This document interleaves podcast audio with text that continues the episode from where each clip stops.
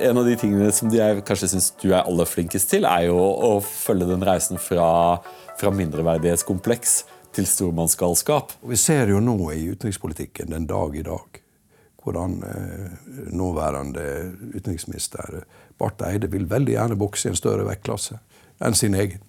For alt i livet. Og med våre penger. Det er jo hjerteskjærende, egentlig. Dette er jo det nasjonale hva skal vi si, kjennetegnet. da. Vi er små, men vi vil være store. Eh, vi vil være så store at vi til og med kan innbille oss at vi var koloniherrer. vet du.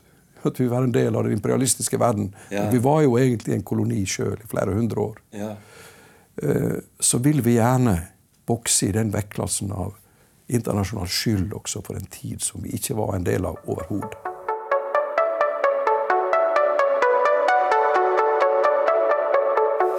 Velkommen til Torjes time, og i dag har jeg med meg den siste karikaturtegner. Jeg er så utrolig glad over å ha deg her, eh, Roar Hagen. Jeg har jo fulgt deg i så mange år.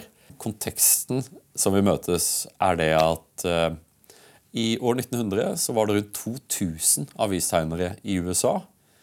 Nå er det nesten ingen igjen. I sommer 2023 så mistet tre Pulitzer-vinnere jobben. Eh, urelatert til hverandre. De fikk sparken. Avisene har ikke tegninger lenger. Eh, Men i Norge så har vi Roar Hagen. Den dag vi møtes i dag, så har du hatt en fantastisk tegning som har blitt delt masse i sosiale medier. Kan du beskrive hva, som er, hva den tegningen er? Nei, Det var jo et eh, vedtak som ble fatta i går da, eller i går kveld om gruvedrift på, på havbunnen. Og da må jeg tenke Hvordan skal jeg framstille det? Jeg må kommentere det. Synes Det er jo et veldig viktig spørsmål. Ja. At vi klarer å fatte eh, riktige vedtak, og at fellesskapet får hånd om eh, ressursene på havbunnen, sånn som vi gjorde med oljen. Ja. Men eh, jeg måtte jo finne en idé, og da tenker jeg hva er, hva, hvordan er det nede i dypet der? og Som en dykkerklokke. Og da ble det jo slik at Erna måtte jo være klokke, og så kunne Jonas sitte inni og se ut gjennom uh, glugga. Altså, det, må bli, det må bli sånn. Ja, den er jo det, det, Jeg syns det var en strålende tegning. For det er jo Jeg tror at det vedtaket gjør også meg veldig glad. Jeg tror at dette er noen ting som kommer til å være sånn, kan bli en sånn merkedag. At de tenker tilbake at Stortinget viste litt vidsyn. Eh, gruvedrift på havbunnen. Det, dette er big deal, altså. Og så syns jeg også at du fikk fram de to toneangivende politikerne i skjønn harmoni eh, og disharmoni. Fantastisk. Takk. Men det er jo ikke der historien starter. Historien starter jo i 1954 i Ørsta. Eh, Kan jeg kalle deg Ørstas store sønn? Ja, det er nå Ivar Aasen. Ja, nettopp. Det er som Vinje i Åsmund Olavsson Vinje i- oppe i Vest-Telemark. Nei, det er Ivar Aasen, vet du. Så jeg, men eh, Du vet at det Jeg ble introdusert som Audnedals store sønn, og da var det en av bøndene som sa Nei, det er han Bjøro Haaland. ja, selvfølgelig. det er Bjøro er stor, vet du. Helt enig. Ja, ja, ja.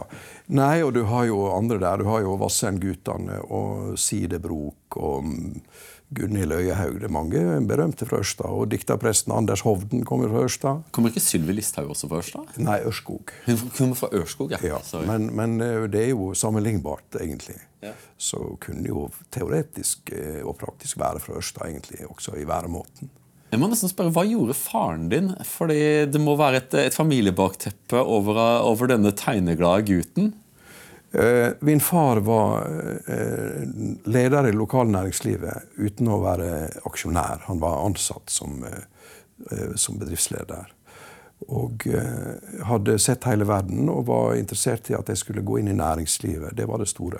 Ja. Det måtte være noe nyttig. Det sitter jo veldig djupt på Sunnmøre. Du må gjøre noe nyttig. Ja, ja. Og da skulle jeg ikke bli advokat eller økonom, jeg måtte bli ingeniør. Det, det, det manufacturing, ikke sant? Det, det var det som var det store. Jeg liker faren din allerede. Jo, jo. Og så var det gamle Venstre. Ja, Gamle her, Venstre. Nå, nå begynner, det gamle Venstre liker vi. Ja, hele familiebakgrunnen var gamle Venstre. Eh, eh, også, men jeg hadde ikke helt lyst på ingeniør. Men jeg likte jo å tegne, da. Og eh, det ble jo veldig frarådd. Jeg kunne ikke anbefale sønnen å bli kunstner. Eh, Alle kunstnerne mine foreldre kjente, var jo enten alkoholikere eller blakk. Ja, det er de fleste kunstnerne jeg kjenner i dag også. Så. Så det, var jo en, det ville jo være et dårlig råd. Og det kan jeg godt forstå. Ja. Men skal du, eh, skal du komme noen vei, så må du jo trosse foreldrene dine. Ja. Og eh, så ble det jo tegning, da. og jeg utdanna meg jo som grafisk designer og begynte med det. Og så ble jeg da sugd inn i Sunnmørsposten først. Og fikk ikke fast jobb der, for de hadde liksom ikke råd til det. Det var der jeg hadde lyst til å bo. Så fikk jeg jobb i Stavanger Aftenblad. Og eh, Til den siviliserte delen av Vestlandet, altså? Ja, det, det, var mer, det hadde mer penger der, vet du. Og det var jo en avis som hadde en gammel tegner som var legendarisk. Som heter Henry Imsland, da, som hadde, var født i år 1900. Og jeg ble jo da ansatt med hans velsignelse. Jeg måtte tegne portrett først av en masse folk i kantina, som alle så på. Og så måtte jeg tegne portrett av Imsland sjøl. Og så fikk jeg prøvetid. Og det første han sa til meg, var at eh, da han var på min alder, så fikk han ti kroner for aldri mer å komme igjen. Så det var, det en ganske hard dåp. Men eh, jeg kom da inn i Stavanger Aftenblad i, i det som vi kan kalle Lykkeland-epoken, som vi ser på TV nå. Ja, ja. Hvor, hvor det var et helt nytt Norge som vokste fram, så du ikke fant noen annen plass i dette landet. Oslo var jo helt homogent den gangen. Med, det var jo bare karbonade med løk. Ja, ja. Og Jegerhallen og Ridderen. Det var jo ikke noe annet å skøyteløp på Bislett. Men borti i Stavanger så kokte det av eh, franske, italienske, skotske, britiske amerikanere ikke sant, som kom inn der. Oljeeventyret var i gang. Oljeeventyret. Ja. Og, og vi hadde jo, hadde jo en fransk eh, nabo i en sånn terrasseblokk som ble kasta ut av kona. Han sto nede, og hun kasta ut dressen og slipsa og sko og barbersaker. Vi har aldri sett noe så flott. vet du. Så, så det var jo en helt ny verden. Og i kantina i Elf så var det så skar kokkene opp uh, oksefilet med kniv ved bordet i, i lunsjen og sånn. Så det var en helt ny verden som kom. Og dette var jo leder av Arne Rettedal. Og, og som da hadde funnet sammen med Arve Johnsen, Arbeiderpartimannen som ble Statoil-direktør. Og alt skjedde. Eh, det var en fantastisk tid. Hvordan var Stavanger Aftenblad på den tiden? For Stavanger Aftenblad er jo kjent som en litt rød avis. Var den rød da? Nei, den var en gammel venstreavis, akkurat som Summersposten. Og eh, var utrolig selvbevisst og rik. Og jeg fikk jo klar beskjed om at eh, Dagbladet kan du bare glemme. Det er som en gardsbikkje full av tomt gjøy. Og det var den gamle konflikten i Venstre. Å, ja. Eh, Dag, Dagbladet Venstre vet du, det var jo ikke til å stole på. Det var, ja, det var, det var det radikale venstre. Det var det radikale Venstre. Ja, ja. Derimot så kunne vi stole på Fedrelandsvennen. Så at det var igjen, og, Seland, det kunne vi stole på. Kanskje BT, men, men aldri Dagbladet. Så det var en veldig selvbevisst og rik avis. Eh, som da hadde masse penger. Hadde egen husmorvikar, f.eks. Ansatt. Hadde eget budsjett for barnevogn, for briller. For hvis en av ungene dine skulle bli syk og måtte på Rikshospitalet, så fikk du støtte til å reise og bo der på hotell. Det var fantastisk avis. Men det er en ting som folk tror om dere eh, avistegnere. At, eh, at, dere får at dere får beskjed om hva dere skal tegne. Men det har du noen gang fått beskjed om hva du skal tegne? Nei, aldri. Ja, folk har jo prøvd. Men det blir jo, alltid, det. blir jo alltid en egen greie. Så, og det var jo den tradisjonen jeg kom inn i i Aftenbladet også. Eh, at lag hva du vil. Du er fri. Vi vil, de vil ha en fri tegner, altså en fri kommentator. Og så er det fantastiske år der. og Ble kjent med Arne Rettedal og Arve Johnsen og disse folka som Faruk al-Qasim. Eh, araberen som kom inn fra London og hjalp oss med eh, å drifte olje. og sånt. Det var, det var en eventyrlig tid. Ja, det, det er en ting som jeg tror at eh, folk som er eh, yngre enn 40, ikke har noen begrep om hvordan Norge var, det Norge du vokste opp i. Kan du ta så snakke litt mer om det? For du sa Oslo var karbonade med løk, men dette var et veldig homogent samfunn, var det ikke det? Jo, totalt. Det var jo, her var det jo eh, et helt kvitt, eh, en helt hvit by. Det var det jo også på Sunnmøre. De utlendingene vi hadde, var jo sjøfolk. Det lå eh, skip på havna i Ålesund med navn som Buena Vista og sånn, ikke sant? Og med klippfisk, da. Som skulle til Brasil og Portugal og Spania. Så det var jo liksom en link til verden som var veldig sterk der. Som hadde med fiskeeksport å gjøre. Og, og men det var jo homogent, religiøst, politisk, og Gerhardsen som styrte. ikke sant? Det var jo Alt handla om verdiskaping og rettferdig fordeling. ikke sant? Og alle ble konfirmert. Mm. Det var ikke noe eh, tvil om hva som var mannfolk og kvinnfolk. Sånne ting var jo ikke oppfunnet. Eh, impulsen utenfra var jo eh, filmindustrien. Det var eh, Donald Duck. det var John Wayne, og det var musikalsk så var det jo Tom Jones da, ikke sant? Og, og, Johnny Cash og Beatles og sånne ting som vi fikk inn. Så, men fysisk så var jo dette helt homogent. Og det landet og det publikum som er tegna for, var innforstått og homogent. Slik at Hvis jeg lager en tegning for Sunnmørsposten eller VG senere, så kunne jeg vite hvordan det var i stuene der dette ble lest. Ja. I motsetning til i dag, hvor det kan bli da prosjisert over hele verden som en fiende av et eller annet. Så, så du kan si at det, hele konteksten og virkeligheten er snudd opp ned. Det kanskje så stolteste tradisjonene er kanskje Punch Magazine, som kom ut fra 1841 til 1992. Eh, og De fleste er familiære med Punch Magazine pga. at på tross, også etter at, eh, etter at fotografiet er oppfunnet, så er det disse, disse tegningene av politiske begivenheter og maktskifter som, som, har, blitt, som har, blitt, stående. Eh, og du har liksom vært eh, kronikøren over en Kanskje den mest omskiftelige tiden kongeriket noensinne har opplevd. Din levetid vil jeg tro Det har aldri vært endringer i en sånn skala i løpet av et liv som det du har opplevd, og du har vært kronikøren. og Du, du har jo det, tegnet det i, i, boka 'Den norske fortelling', som jo er det, Jeg husker riktig at den er kronologisk, er den ikke det? Jo, eh, langt på vei, ja. Ikke bare så vet du hvordan hjemmene som dette vil bli lest i, hvordan, men du tegner jo også hjemmene. Eh, og det syns jeg også er så rørende, fordi hvordan du tegner en norsk stue på 1970-tallet Det er stua, det er stua jeg vokste opp i.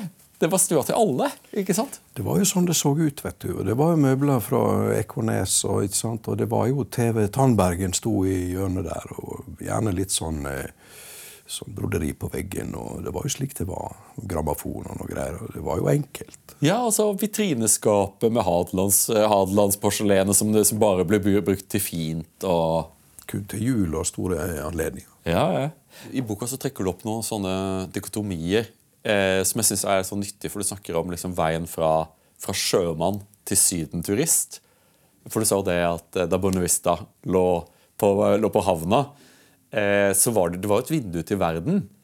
Og du kunne også ta hyre og dra, og dra til Sao Paulo med Bonavista hvis du ville bli sjømann, og mange gjorde jo det. Men så ble vi en, en nasjon av sydenturister. Og så ble vi, og det, som du også påpekte, fra, fra monokultur til flerkultur. Eh, og veldig omskiftelig. En av de tingene som jeg kanskje syns du er aller flinkest til, er jo å følge den reisen fra, fra mindreverdighetskompleks til stormannsgalskap. Sier jeg feil hvis jeg sier at det er en av de, de kontinuerlige trendene i ditt, eh, i, i ditt, virke fra de tidligste tider og fram? Så er det den spenningen mellom mindreverdighetskompleks og stormannsgalskap som går igjen?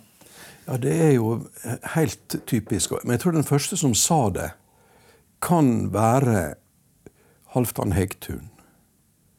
At første gang jeg hørte det sagt. Eh, men jeg har jo brukt det. Mm. Og det har blitt mer og mer riktig. Og vi ser jo nå i utenrikspolitikken den dag i dag hvordan eh, nåværende utenriksminister Barth Eide vil veldig gjerne bokse i en større vektklasse enn sin egen for alltid i livet, og med våre penger. Det er jo hjerteskjærende, egentlig. Men dette er jo en eh, Dette er jo det nasjonale hva skal vi si, kjennetegnet. da. Vi er små, men vi vil være store. Eh, vi vil være så store at vi til og med kan innbille oss at vi var koloniherrer. vet du. At vi var en del av den imperialistiske verden. Ja. Vi var jo egentlig en koloni sjøl i flere hundre år. Ja. Eh, så vil vi gjerne bokse i den vektklassen av internasjonal skyld også for en tid som vi ikke var en del av overhodet. Vi har en tegning som vi kanskje kan ta oss og få opp her. Ine Marie Eriksen. Vi vil så gjerne bokse i en høyere vektklasse i FNs sikkerhetsråd. Og det er noe som, som undrer meg. For meg så fremstår det som litt patetisk. Eh, det er ikke noe beundringsverdig det er hele tatt. Også litt dumt. Du ønsker ikke å bokse over en høyere vektklasse. Det er veldig farlig. Du har ikke lyst til å møte en bokser som er 15 kg tyngre enn deg. Han slår også 15 kg tyngre hvis du blir truffet. Jeg tok og snakket med noen i regjeringsapparatet, som det så fint heter, som sa liksom Å, skal du snakke med Roar Hagen? Spør han Synes du at du er politisk, eh, at du er politisk balansert? Det er ikke så godt å jeg, jeg har jo aldri tilhørt et politisk parti sjøl. Bortsett fra gamle Venstre, som ikke Ja, finnes det var lenger. jo, det var jo foreldra mine. Ja, ja. Og besteforeldra mine. Jeg har også masse familie fra det gamle, fra det, fra det gamle lektorpartiet, det Venstre som, som er en saga blått. ja, det kunne, det kunne samle bonden, læreren, industriherren og skipsrederen i ett og samme parti. Det er jo helt fantastisk. Og eh, alle lærere for eksempel, på Sunnmøre var jo Venstre, og alle som drev med næringsliv også. Eh, altså Gründere og sånn. Det var jo Venstre. Høyre var jo embetsmannspartiet, det var noe annet. vet du. Men Venstre var liksom liberalismen. liberalisme. Det var de som gjorde det mulig for folk uti der å drive forretning. Yeah. In the first place. ikke sant? Så det sto jo veldig sterkt. og Nå, nå må jo sies at Høyre har jo tatt en del av dette oppi seg. Det nye Høyre. altså etter at Erling Norvik og så videre kom inn, så ble det et langt bredere folkeparti da, i pakt med at Venstre forsvant. Men, men eh, det, det er nok ingen sosialist som sådan, hvis du spør.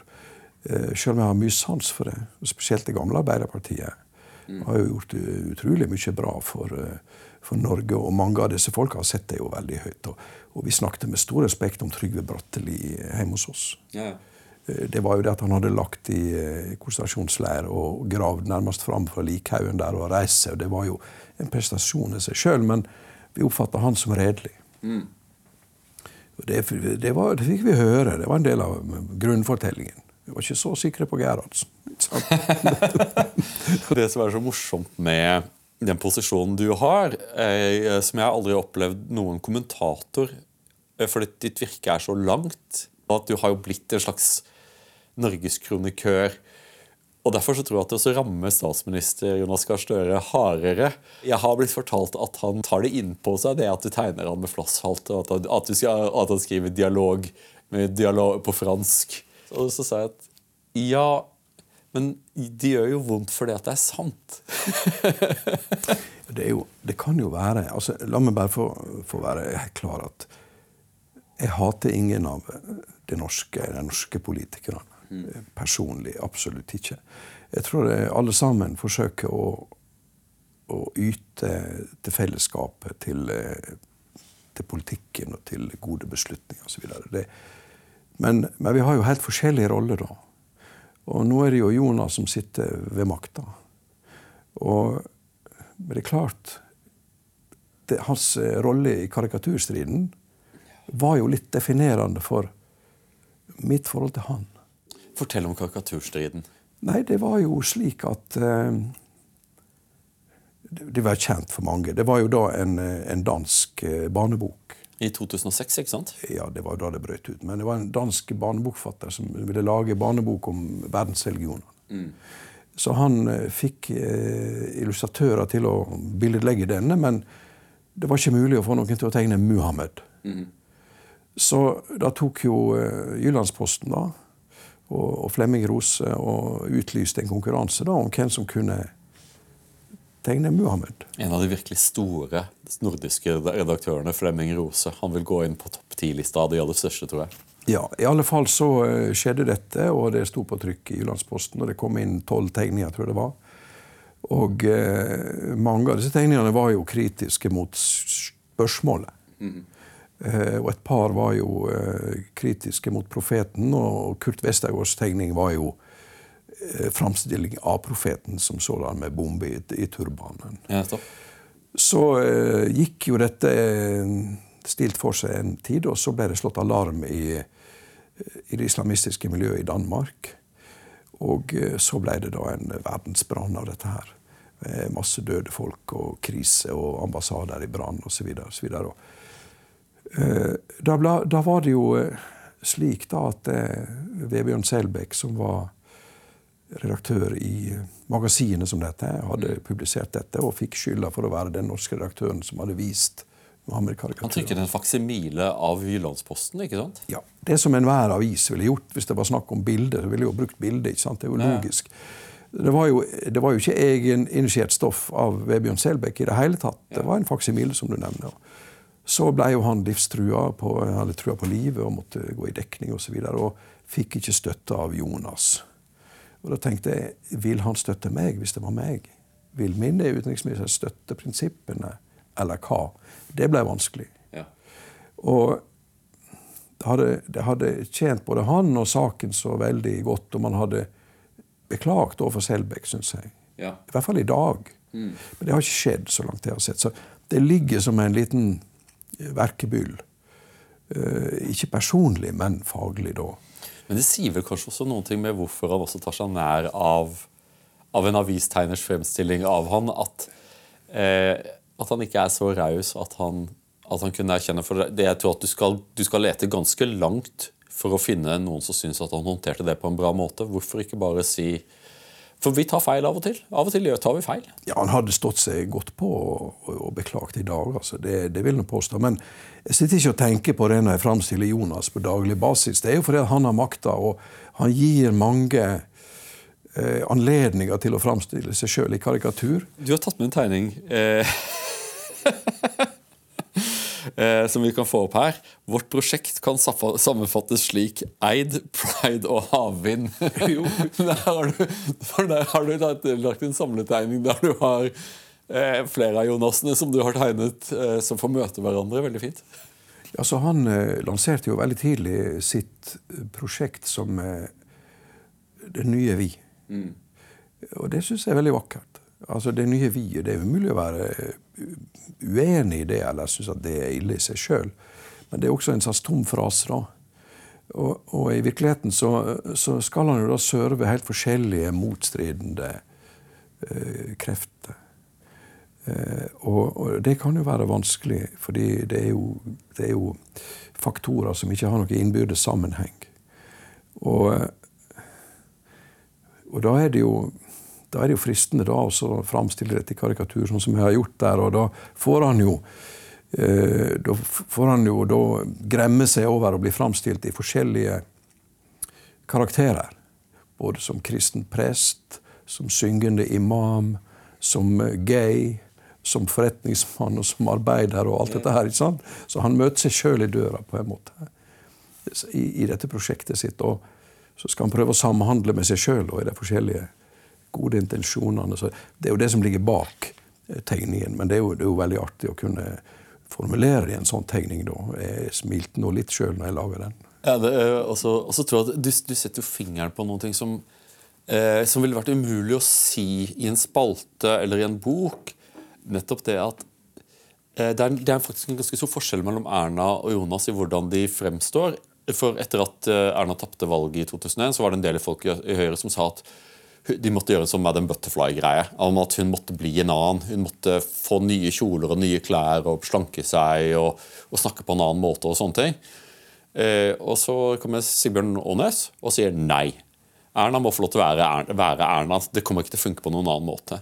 Og så ble jo nordmenn vant til Erna eh, i all sin prakt eh, og all sin fylde. Eh, Mens med Jonas så ser det ut som at han hele tiden forsøker å være noen andre enn den han er. Det virker som at han driver og- kler seg ut litt, grann, i håp om at vi skal like han bedre.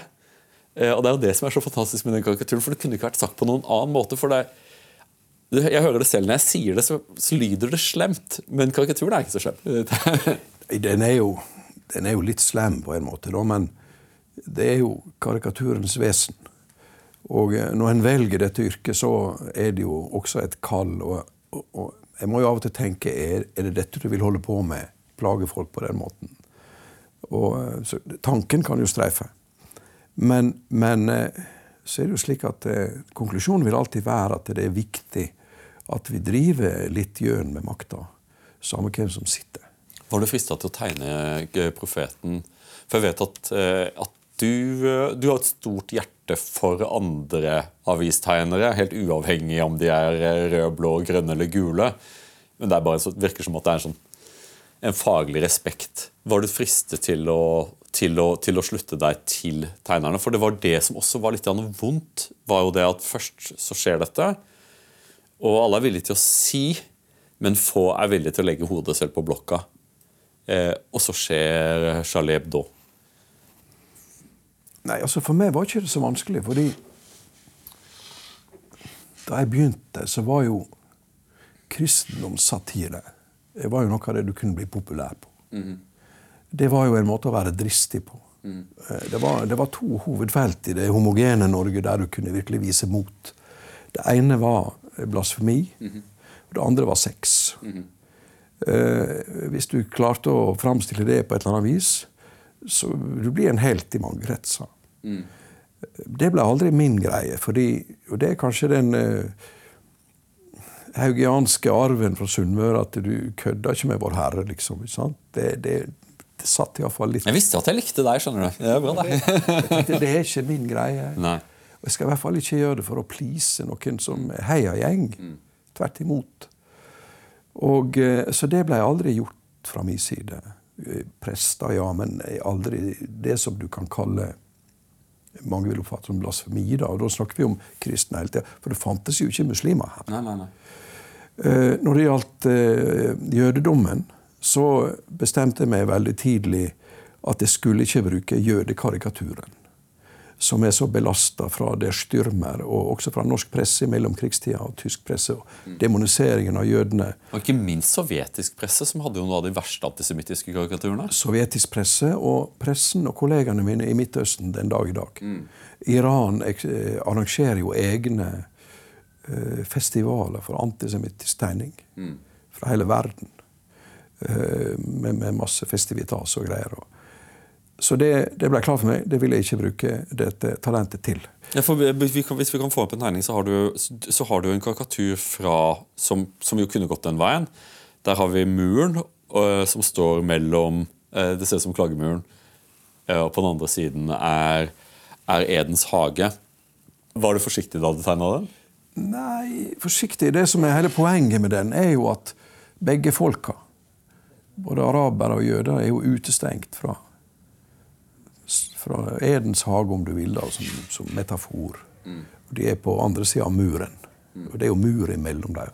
Jeg har jo reist så masse der nede. Jeg har jo sett eh, området før murene kom opp. Ja. Første gang jeg var der, så var det jo kunne reise fritt inn og ut av Vestbredden. Det var ingen problem. Det var ingen, alle hadde jobben sin i Israel osv. Så, videre.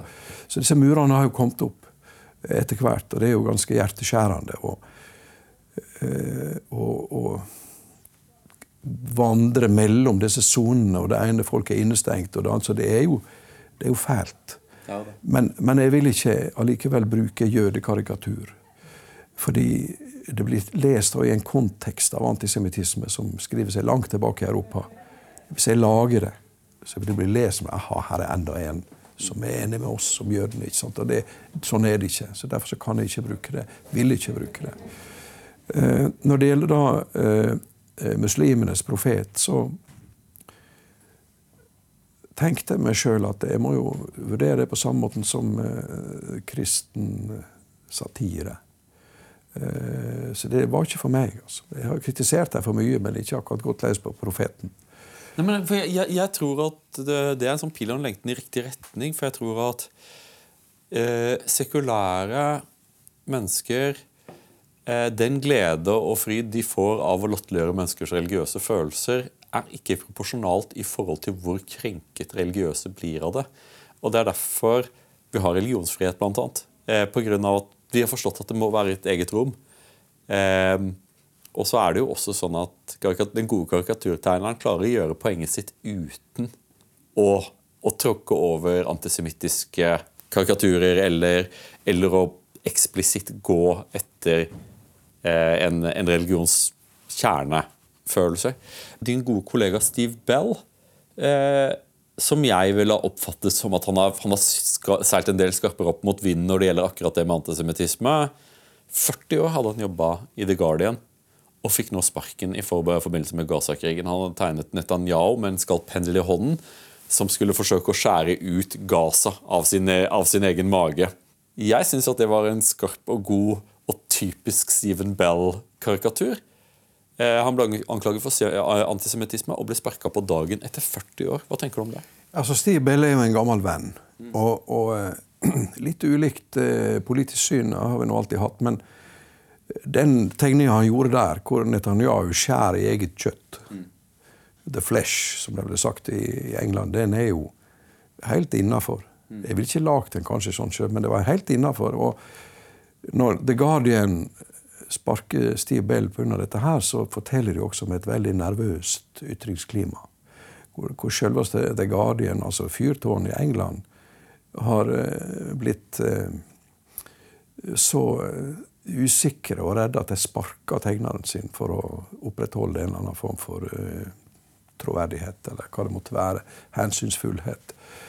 Og jeg har jo israelske kollegaer som er hardere enn det der. Med seg sjøl, med sitt eget.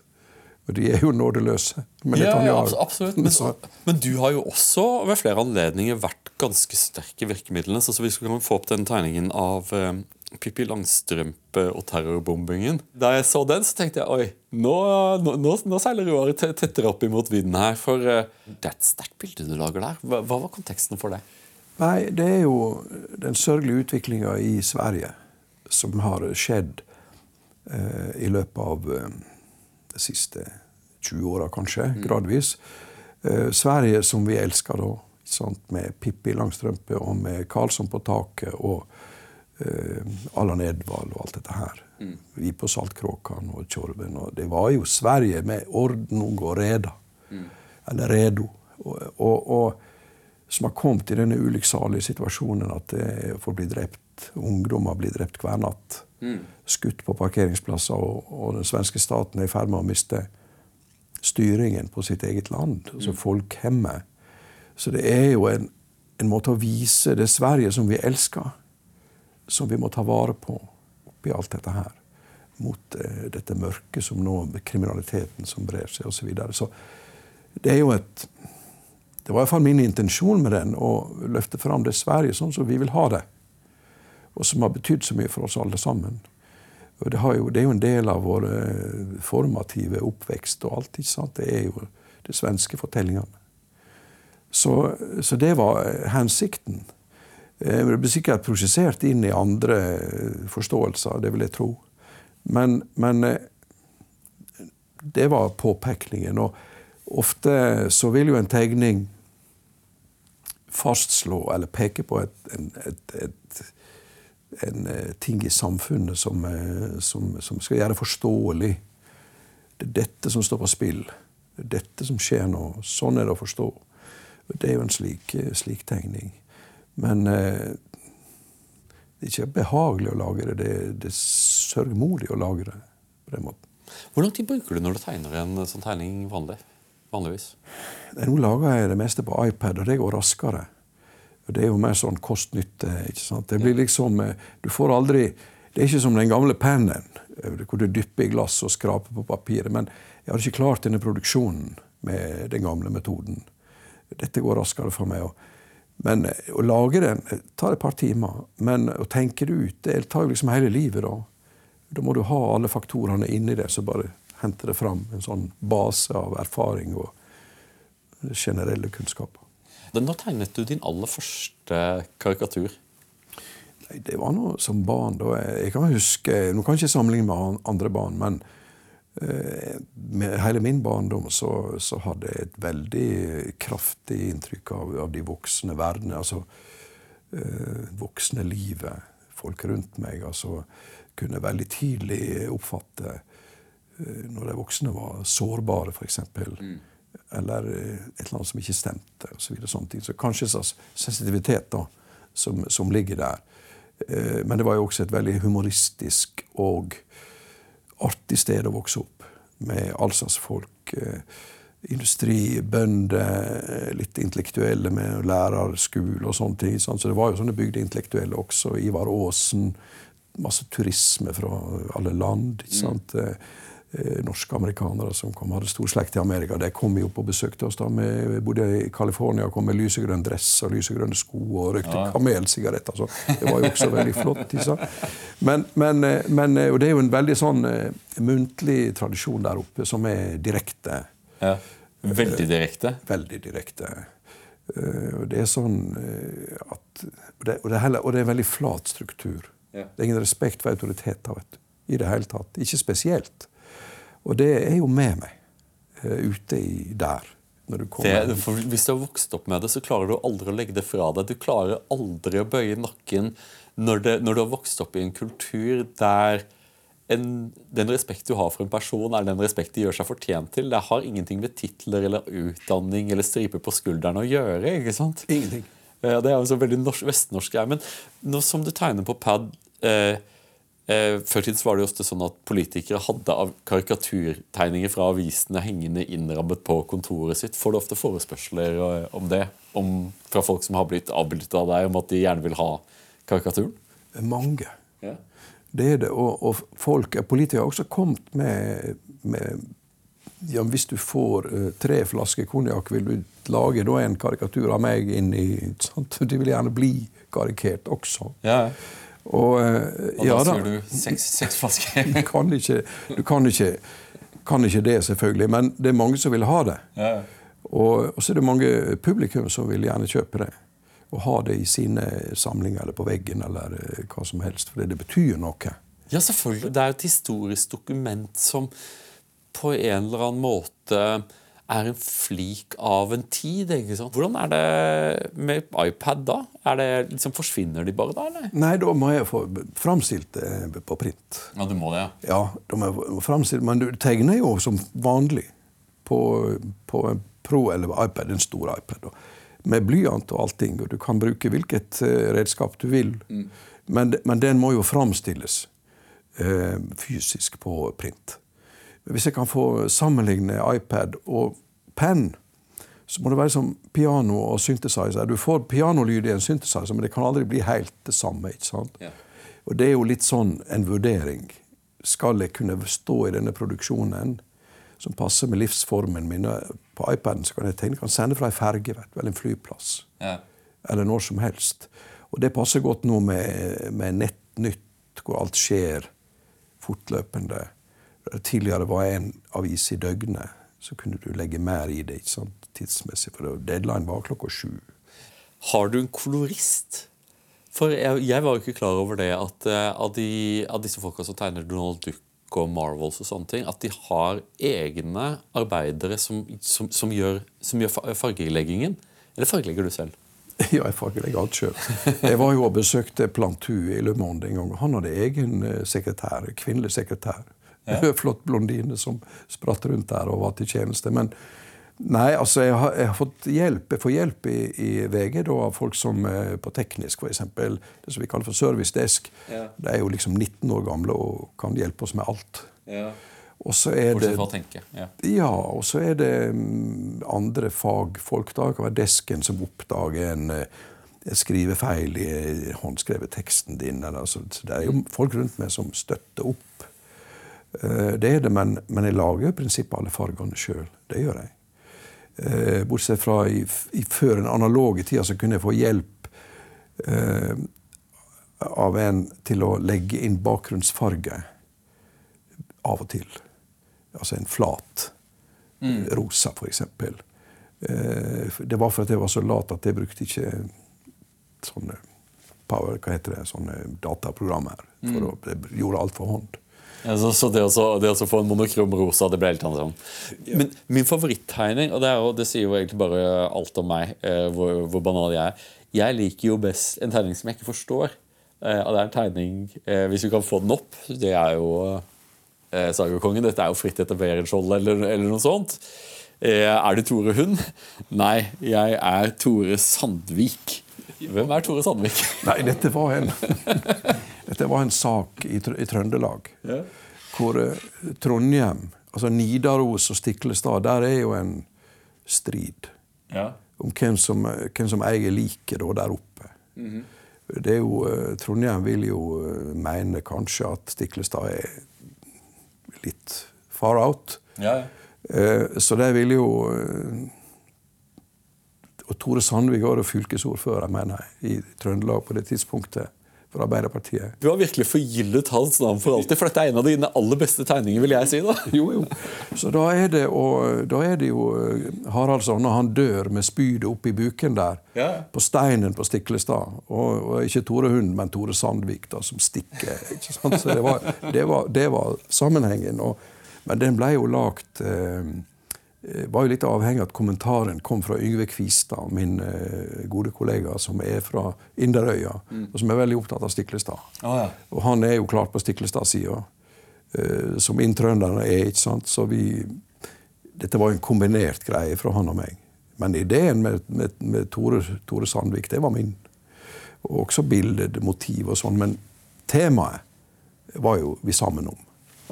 Og det var jo Yngve som også ga meg, og gjorde meg oppmerksom på den striden i Trøndelag om eh, eierskapet til eh, Olavsmyten uh, der oppe, eller Olavstradisjonen. Det er jo veldig interessant å se hvordan Olav den hellige Hvilke ulike inkarnasjoner han, han, er, han er en konge som blir skapt for, ny, for, hver, for hver nye generasjon. Husker du Primavera laget jo en ganske hånende film over Olav Digre. Han var, han var feit og ubrukelig. Og så, I det ene øyeblikket så er han en, en, en signingskonge og en veldig tapper stridsmann som kommer med en stor hær. Og det neste øyeblikket så er det egentlig bare noen sammenraska svenske kriminelle og noen fulle bønder. Mens liksom hvordan det skaleres opp og ned i takt med hvordan vi ser på oss selv. Helt fascinerende. Morsomt at du tegna det. altså. Ja, altså, nå skal vi jo feire kristenretten neste år.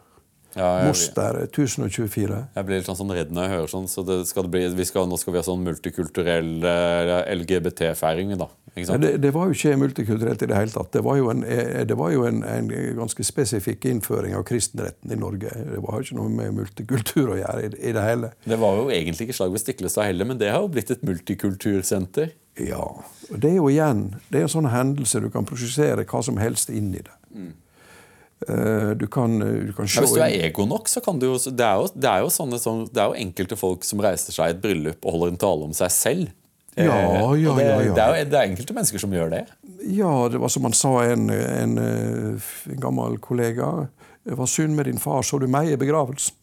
Sånn, er jo, sånn, sånn, er det jo. Det verste er jo kjendisbegravelser, for det handler jo alltid om uh, taleren. ikke sant? Ja. Og skal sole seg da i glansen fra kista. Sånn er det jo bare. Ja. Det er jo en allmennmenneskelig greie, i hvert fall eh, i, i litt høyere kretser. Men, men, Haraldsson er en sånn type som eh, hvor du kan prosjisere inn nesten hva som helst. Alt etter ditt eget stå, og hva du vil det skal være. Og eh, det kommer sikkert Haraldsson som transperson eller whatever. ikke sant? Eller du kan Det er så stort rom der at kan, det kan brukes litt fleksibelt. Men sannheten Vi kan jo beregne den sånn cirka, hvis vi vil. Ja, hvis, hvis, Du kan jo forsøke å være sannferdig til kildene, men sånn som for nå så er det jo Marcus Aurelius, den romerske keiseren, har jo blitt beskrevet på et britisk museum som trans. Så han var stoiker. Han var stoiker. så Veldig usannsynlig at han var trans. Eh, han var en mann som sa liksom at det ikke er passende å, å, felle tårer selv om din sønn blir drept i slaget. Jeg tror ikke helt at han var så opptatt av, at han følte seg som kvinne Nei. ikke sant, men ok. Nei, men, men, det er jo litt sånn som tida er. og Den er jo full av projeksjon. og det merker jeg når jeg lager en tegning som alltid tar høyde for at det du lager her nå, mm. det kan omdannes til noe annet. Hvordan vil du at dette her skal bli forstått? Hvordan kan du regne med at det blir forstått? Uh, og det er ganske skummelt å tenke på, egentlig. Det er, men det er jo tegn i tiden. ikke sant? At, og det ser jeg jo også som uh, spaltist, som blir jo en, sånn, en light-versjon. For vi spaltister vi varer aldri så lenge som, uh, som dere karikaturtegnere. men det nye nå synes jeg er at du har mennesker som aktivt misforstår.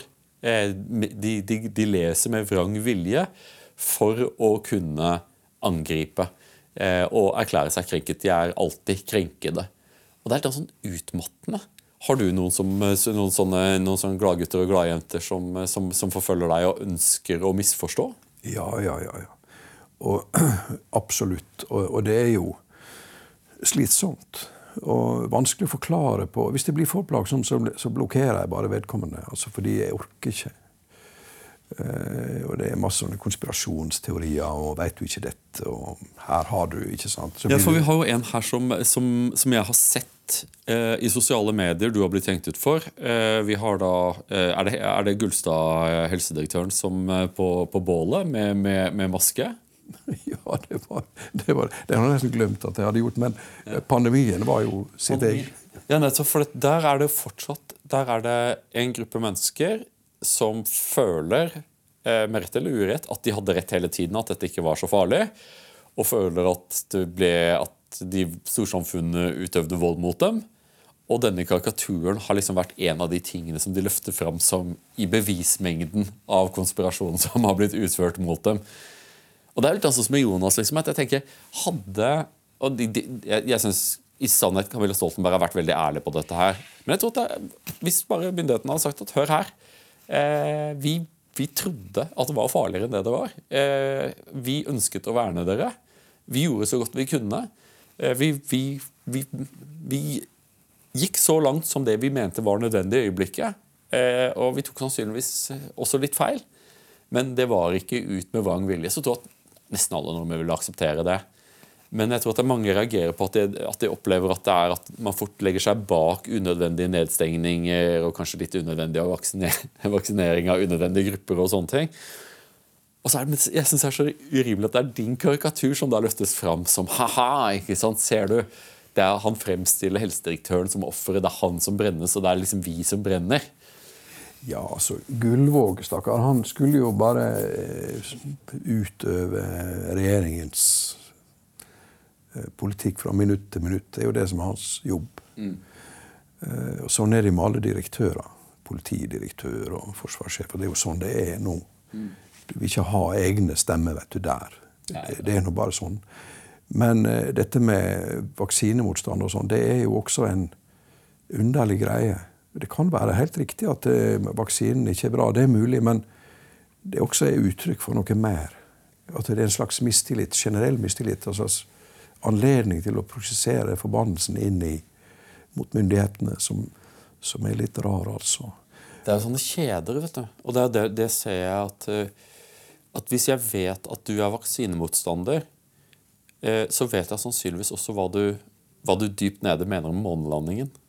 Og det og det ikke, jeg sier ikke at folk er liksom at eh, konspiranoia og sånne ting, men det er en bredere strøm av skepsis mot etablerte narrativer enn tidligere, mener jeg å se. Eh, det har alltid vært der, men det virker som at den strømmen har blitt litt bredere, og at det er flere eh, som, som, vaker i den. Jeg tror det har en del å gjøre med sosiale medier og, eh, og algoritmen. At ah, 'liker du dette', kanskje du liker dette. det er vel det som er at, at, sosiale medier får fram kanskje det beste, men det får også fram det verste. Også. Jeg kan jo huske da Kennedy ble skutt. Mm. Det var jo til og med folk på Sunnmøre som visste hvem som hadde gjort det. Helt sikkert. Altså, det var jo, det var, Konspirasjonsteoriene var jo ja. frodige. Ja. Og, men med sosiale medier så kan jo dette her eh, mutere overalt. Og, så det, det, setter jo liksom fyr på noe som er, bor i mennesket, dette her. Og og ganske, ganske heftig for politikerne å oppdage at du kanskje ikke har kontrollen på stemningsbølgene. Eh, og at det faktisk spiller en, fakt, spiller en rolle i stemmegivning osv. som destabiliserer litt politikken. ikke sant?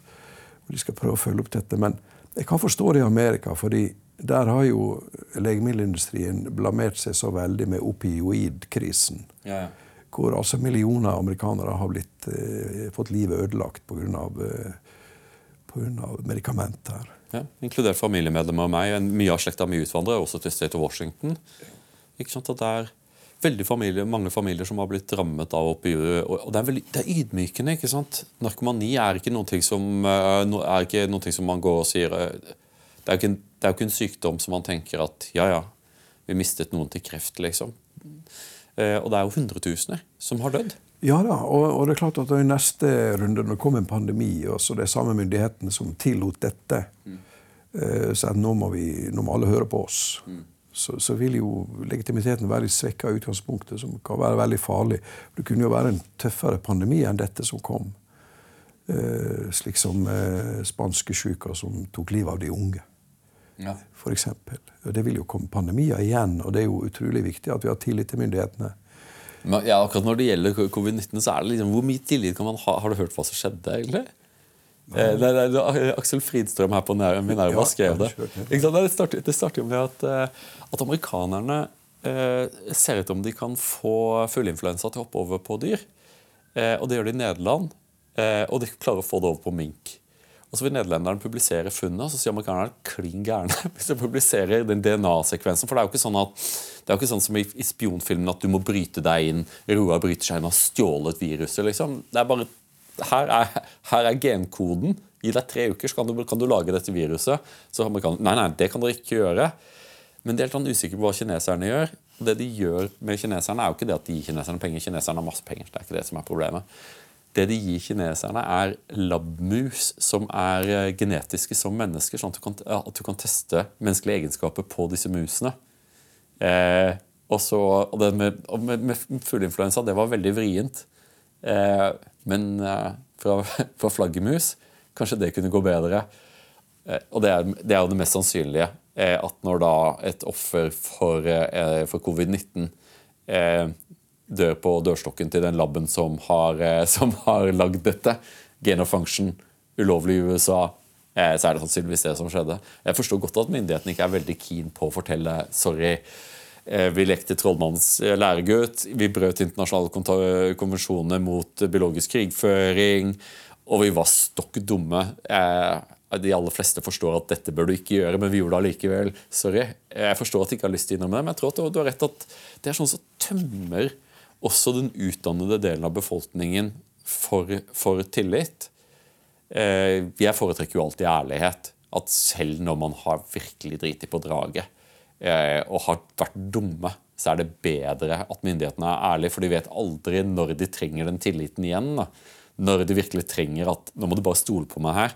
For du så liksom som med Nord Stream, ikke sant? sprengningen av Nord Stream, så ble vi fortalt at russerne gjorde det selv. Jeg traff ikke et menneske som trodde på det. det var, NRK var helt tydelig på at det var russerne som sprengte Nord Stream. Jeg traff ikke et eneste menneske som svelga den.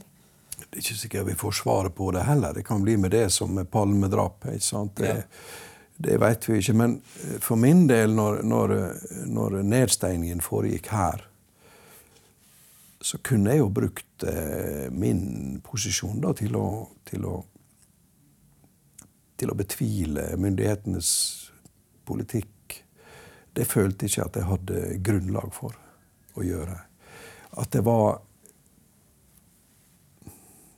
hvis, Slik som det så ut da, så var det vanskelig med folk som daua på parkeringsplassen nede i Italia. og der og sånn, Så det, jo, det så jo veldig fryktelig ut. Mm.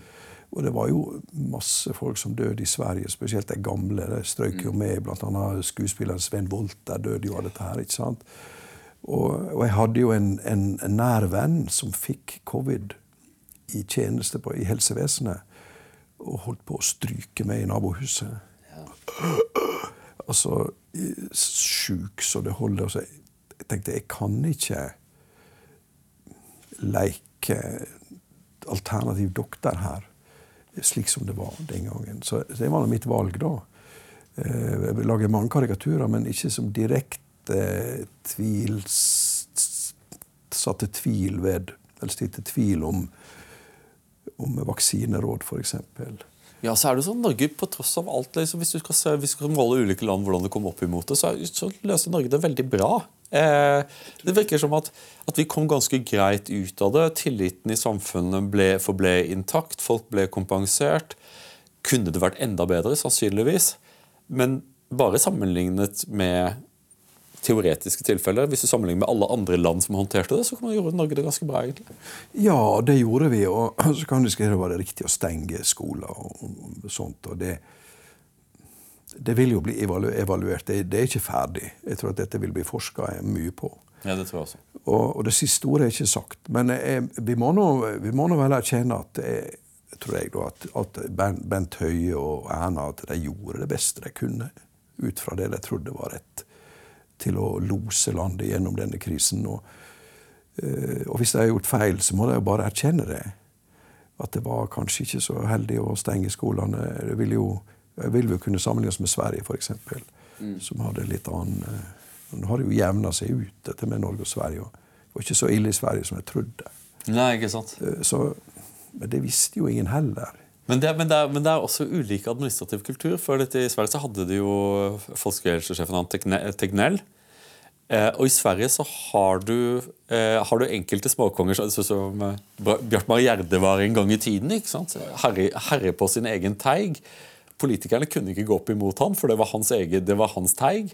Men sånn er det ikke i Norge. Eh, her er du utpekt av, av politikerne. Det er, det er, de folkevalgte som styrer byråkratiet. Det finnes ikke lenger noen Carl Evang som eier helse, eh, helsevesen, sånn som det var på da du vokste opp. Eller Torbjørn Mork. Ja, som sigajetten. ja. Men så, så du, er jo, eh, du, du, er jo også Du er jo mest av alt liksom morsom. Da. Eh, og Vi har en tegning her av eh, menn med shorts i arbeidslivet. Jeg håper at det betyr at du og jeg har akkurat samme syn på shorts. Ja, altså, shorts er jo fritid. kropp i arbeidslivet hører jo ikke hjemme. Det kjenner jeg jo at det er alle alle mine Hvis vi består av forskjell, men vi har jo også litt konservativitet. Det, også. Jeg tenker det er jo en trussel mot også selve mannligheten. Det er noe med menn i shorts som er nesten ikke til å bære. Takk! Det er noe litt uanstendig. uanstendig. Eh, jeg, jeg, mener at en mann skal aldri bli sett i shorts med mindre han skal til å bade. Da kan du ha shorts. Ja. Eh, jeg mener også at man bør, nesten bør vurdere å, å, spille fotball i langbukse, men jeg forstår at det er Men jeg syns det er flott at Jeg, jeg synes det er flott at Har du noen gang fått en, eh, en tegning i retur? I VG og sagt det der går ikke? Eh, ja, eh, det har jeg fått. Eh, men det har ikke noe med shorts å gjøre. Eh, men det var en tegning jeg hadde gjort av, av, eh, Liv Valla. Og da kom verst Vi hadde jo et veldig godt forhold, vi to. Ja. Det var jo, jeg måtte bare aldri spøke med punkt én, folkemusikken. Altså den puristiske folkemusikken. Eller skihopping. Ellers ville jeg valgt For han hadde snakka med Olav Bjåland under et skirenn oppe i Telemark, og han var jo med til Sørpolen. Ja. Og dette var jo Sondre Nordheim, og dette var eh, hardcore. Så det kunne jeg ikke spøke men ellers hadde vi det jo helt fantastisk. Men han var jo min redaktør. Ja. Eh, han var jo min eh, førstelinjeredaktør. Og da kom han inn til meg med et plaga uttrykk. Jeg tenkte at eh, denne kan jeg ikke sette på trykk i verdens gang. Og så sier jeg ja vel, ok, eh, hva er galt da? Han forklarte sånn. Og så sa jeg at eh, ok, eh, det er din rett som redaktør. Det kan du. Men jeg kommer ikke til å lage en ny for at du skal bli blid. Det kommer ikke på tale. Mm. Da må du bruke et bilde. Og Da valgte, og gikk han ut igjen, og var alt greit. Det var et sånn historisk øyeblikk oss imellom. Eh, som gikk bra. Og, og, kan du beskrive tegningen? Tegningen var av Geir Liv Valla som da LO skulle boikotte israelske varer. Ja. Ikke iranske varer eller eh, nordkoreanske varer eller eh, den type varer. Det var, eh, det var Israel. Og, så jeg lagde en tegning hvor hun gikk rundt og malte Davids stjerne på butikkvinduer. den var jo, det var kanskje godt den ikke kom på trykk, men det var jo Sånn var det, og det syntes han ble for sterkt, og det var det sikkert også. Så kanskje han gjorde meg en tjeneste. Men, ja, men den, den, den, den, er skarp, den der. altså. Den var skarp. Men i alle fall så Vi overlevde situasjonen. Han som redaktør, jeg som tegner. Han var redelig, jeg var redelig. Sånn var det. Øyeblikket var over. Mm. Det endte ikke med verken uvennskap eller sviktende tillit. Og skulle jeg være tegner, så er jeg helt avhengig av redaktøren. Ja, og redaktøren må være den som bestemmer. og skal også være den som beskytter meg. Men må også være den som er ansvarlig for alt som kommer på trykk. Så jeg kunne ikke, kunne ikke underkjenne hans inngripen prinsipielt sett. Det var ikke mulig. Jeg kunne ha slutta, selvfølgelig, men det var det jo ingen grunn til. Så, så sånn, var det, sånn var den. Og eh, ja, det har jo vært andre Det var en som ikke kom på trykk med det var Alf Nordhus og så en av disse kriminelle i sånne tigerbukser. som de, det var, det var et eller annet, det var så lenge siden. Men, så har det skjedd. Men VG har vært en fantastisk greie. altså. Og, og uh, latt meg få ha denne frie stillingen i alle år. Uh, og det har jo vært forsøkt uh, fra forskjellige makthavere å påvirke mine redaktører. Ja. Uten at det har ført fram. Men som Versto sa til noen maktpersoner i Norge. Jeg skal selvsagt formidle dette til tegneren, men jeg kan ikke love noen endring. Sånn, sånn, sånn, sånn var det. Sant? Og det er, jo, det er, jo, en betingelse for å være avistegner, at du har redaktøren i ryggen. Ja. Det er jo helt essens, det jo kjernen, det. Ja, for det, det, det er jo så liksom dette, dette, rommet der du kan være du kan være litt barnslig, du kan være litt infam. Du kan si ting som vi tenker eller tegne ting vi tenker, men som, du, som ikke ville høres bra ut hvis du sier det.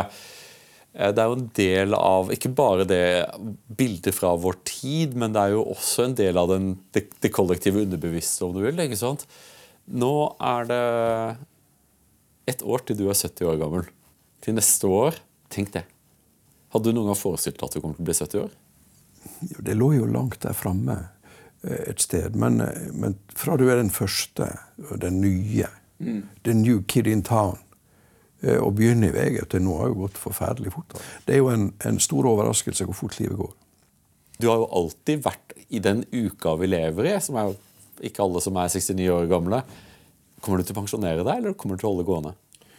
Det, det vil nå måtte bli en eller annen form for uh, rundingsbøye, da, uh, i hvert fall formelt det med sånne konserngreier og slike ting, og bestemmelser, pensjon osv. Så videre. så, men eh, jeg kommer ikke til å slutte å, tegne. Det jeg kan jeg aldri tenke meg.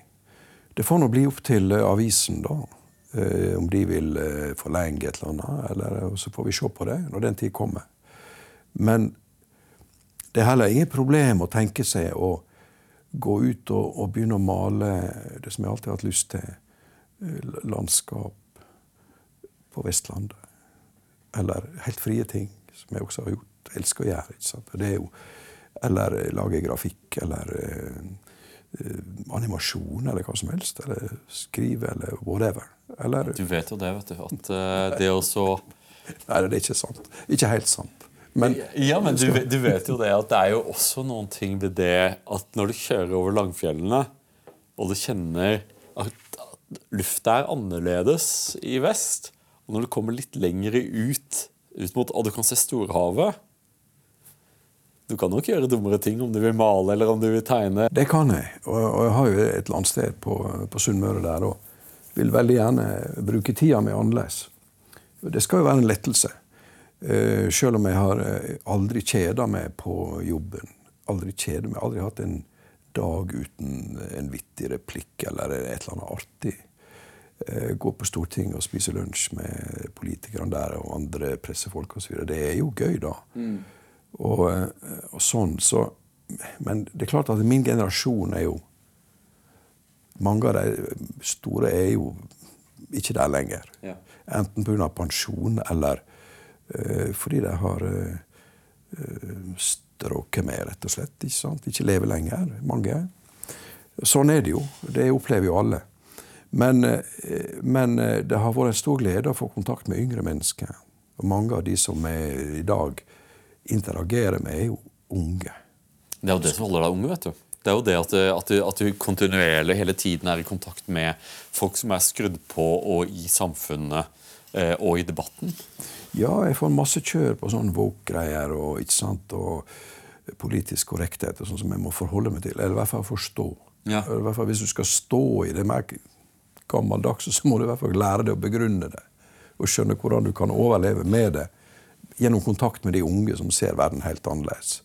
Tror du at du klarer å, at du klarer å pensjonere deg før du blir kansellert, eller tror du at du kommer til å bli kansellert? For det virker jo som at sånn som kulturen har utviklet seg, så snapper den etter hælene på deg allerede nå. Jeg bare sitter her og ser på en tegning av, av Erna og, og, Sindre. Det er den siste tegningen vi har. Eh, dette er jo fatshaming. Ja, det var jo akkurat når dette skjedde. og men, men de satt jo der i Dagsrevyen, da, Fridtjof Jacobsen og Snorre Valen, som sånne undertakers og skulle avsette Erna. Ja, ja. Eh, har hatt på seg svarte dresser med slips og greier. og Så ut som de kom fra Jølstad begravelsesbyrå. det var jo helt feil. Sånn. Eh, på, på Sunnmøre, som jeg kom ifra, så er jo ikke problemet at at Sindre har handla aksjer, men at han hadde så dårlig avkastning på det. Så det er jo liksom At, det, at du med innsida at, var, at det var liksom bare 1 G. Sant? Hadde han tjent penger, så hadde det stått seg bedre. Så det er klart det skjer meg, men det måtte noe, jeg måtte nå kommentere der og da. Det var en stor sak. Og, eh, men jeg trodde aldri at Erna kom til å gå opp under dette. Det, det trodde jeg ikke. Det, hun er ikke sånn. Og eh, ettersom det var avgått, så kunne ikke Stortinget avsette henne. Nei, nei. Det var Høyre som kunne avsette henne. Og det var vel ikke grunn til på det tidspunktet at Høyre skulle gå til et sånt steg i det hele tatt. Nei, Det ville jo være selvskading på, på, av høyeste rang. For det er jo ikke så mange mennesker i Norge som kan være statsminister. Det er ikke en så lett jobb. Nei, det er en veldig tøff jobb. Og jeg har jo sett eh, alle helt fra Nordli. Jeg, jeg kjente jo han også, litt i den forstand at jeg snakket med han. Han var, jo, eh, han var jo sliten, men han var jo også morsom. Han, han sa jo da om en av sine utnevnelser at uh, på denne posten må vi ha et menneske uten politisk fortid og framtid. Så, så han var jo kynisk og, og er jo feilaktig framstilt i makta. Jeg har jo opplevd alle. Eh, Willoch og Gro og Jagland. Bondevik, Erna Stoltenberg. Og, og det, det har jo spesielle egenskaper, alle disse. Til å stå i det. Til å, Sjå, Bondevik fikk jo dette sammenbruddet, men han kom seg jo gjennom det og ut igjen. Og klarte det jo. Og han redda jo oss fra å gå inn i Irak-krigen, f.eks. Ja. Det skal han ha. Og han hadde, hadde gode statsråder som fikk innført røykeloven, f.eks. Uh, tror jeg det var iallfall Høybråten som fikk det. Eh, så jeg har ikke noe galt å si om noen av disse her. Eh, det var selvfølgelig masse komikk med 36,9 og alt dette, men eh, når jeg møter Jagland i dag, så kjenner jeg at jeg respekterer han. Han hadde også et prosjekt. Jeg har veldig stor respekt for, for Jagland. Jeg har i like med deg stor respekt for alle som vil tjene Norge. Det er ingen som gjør dette for pengene. Og så er det jo et eller annet som er dypt tragisk. For jeg har jo, jeg har ikke møtt så mange som deg, men jeg har møtt Kåre og Gro og, og Stoltenberg og Jagland. Og, og så er det den Det virker som at makten tar noen ting fra dem. Det er, det er, en dypere fortelling i den tolken med Frodo og ringen. Altså, altså når ringen blir kastet, så på en eller annen måte så forsvinner noen ting av han selv. Og det ser jeg i de som har vært i det aller øverste embetet. At etterpå så, så blir de liksom nesten litt gjennomsiktige. Eh, og er, Vi skal være klar over de ofrene som gjøres av de menneskene som velger å ta de postene. Og det er jo noe som eh, Jeg er ganske sikker på at det er det én person i Norge som kommer til å være glad dersom du pensjonerer deg, så er det statsminister Jonas Gahr Støre. Ja, vi er jo forbundet sammen. Det er jo sånn som skjebnefellesskap. da. Men eh, altså, Willoch sa det jo slik at det, det er bedre å ha vært statsminister enn å være statsminister. Ja. Han hadde jo veldig trøbbel med Ane Rettedal, f.eks., som brukte å sitte Hvis han ikke var fornøyd, så gikk han og satte seg langt veggen under, på regjeringsmøtene og, og sa høyt det er fint å bo i Stavanger. det er fint å bo i Stavanger. Altså, Hvis ikke jeg får det som jeg vil, så går det av. Så det er ganske tøft å lede et kollegium. Ja, så jeg, for, jeg forstår, jeg forstår slett veldig godt. det. for man måtte visst være litt sånn tøff med han for å bli hørt. skjønner du? Ja da, og, og det var, den store saka mellom de to var jo hvorvidt eh, staten skulle eie Statoil. Ja, ikke sant. Eller ikke. Det var jo en nesten eksistensiell strid mellom de to. Og Rettedal var knallhard og sa at eh, staten må eie Statoil. Ja. Ellers så vil det bli solgt til utlandet i løpet av en dag.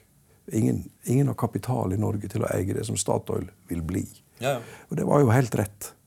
Og det er jo det som er forskjellen på hvorfor to land som hadde omtrent like mye olje og gass, eh, Storbritannia og Norge Det ene landet blir veldig rikt på lang sikt.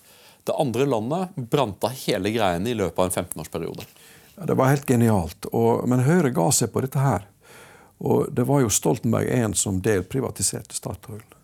Når den tid kom. Selvfølgelig.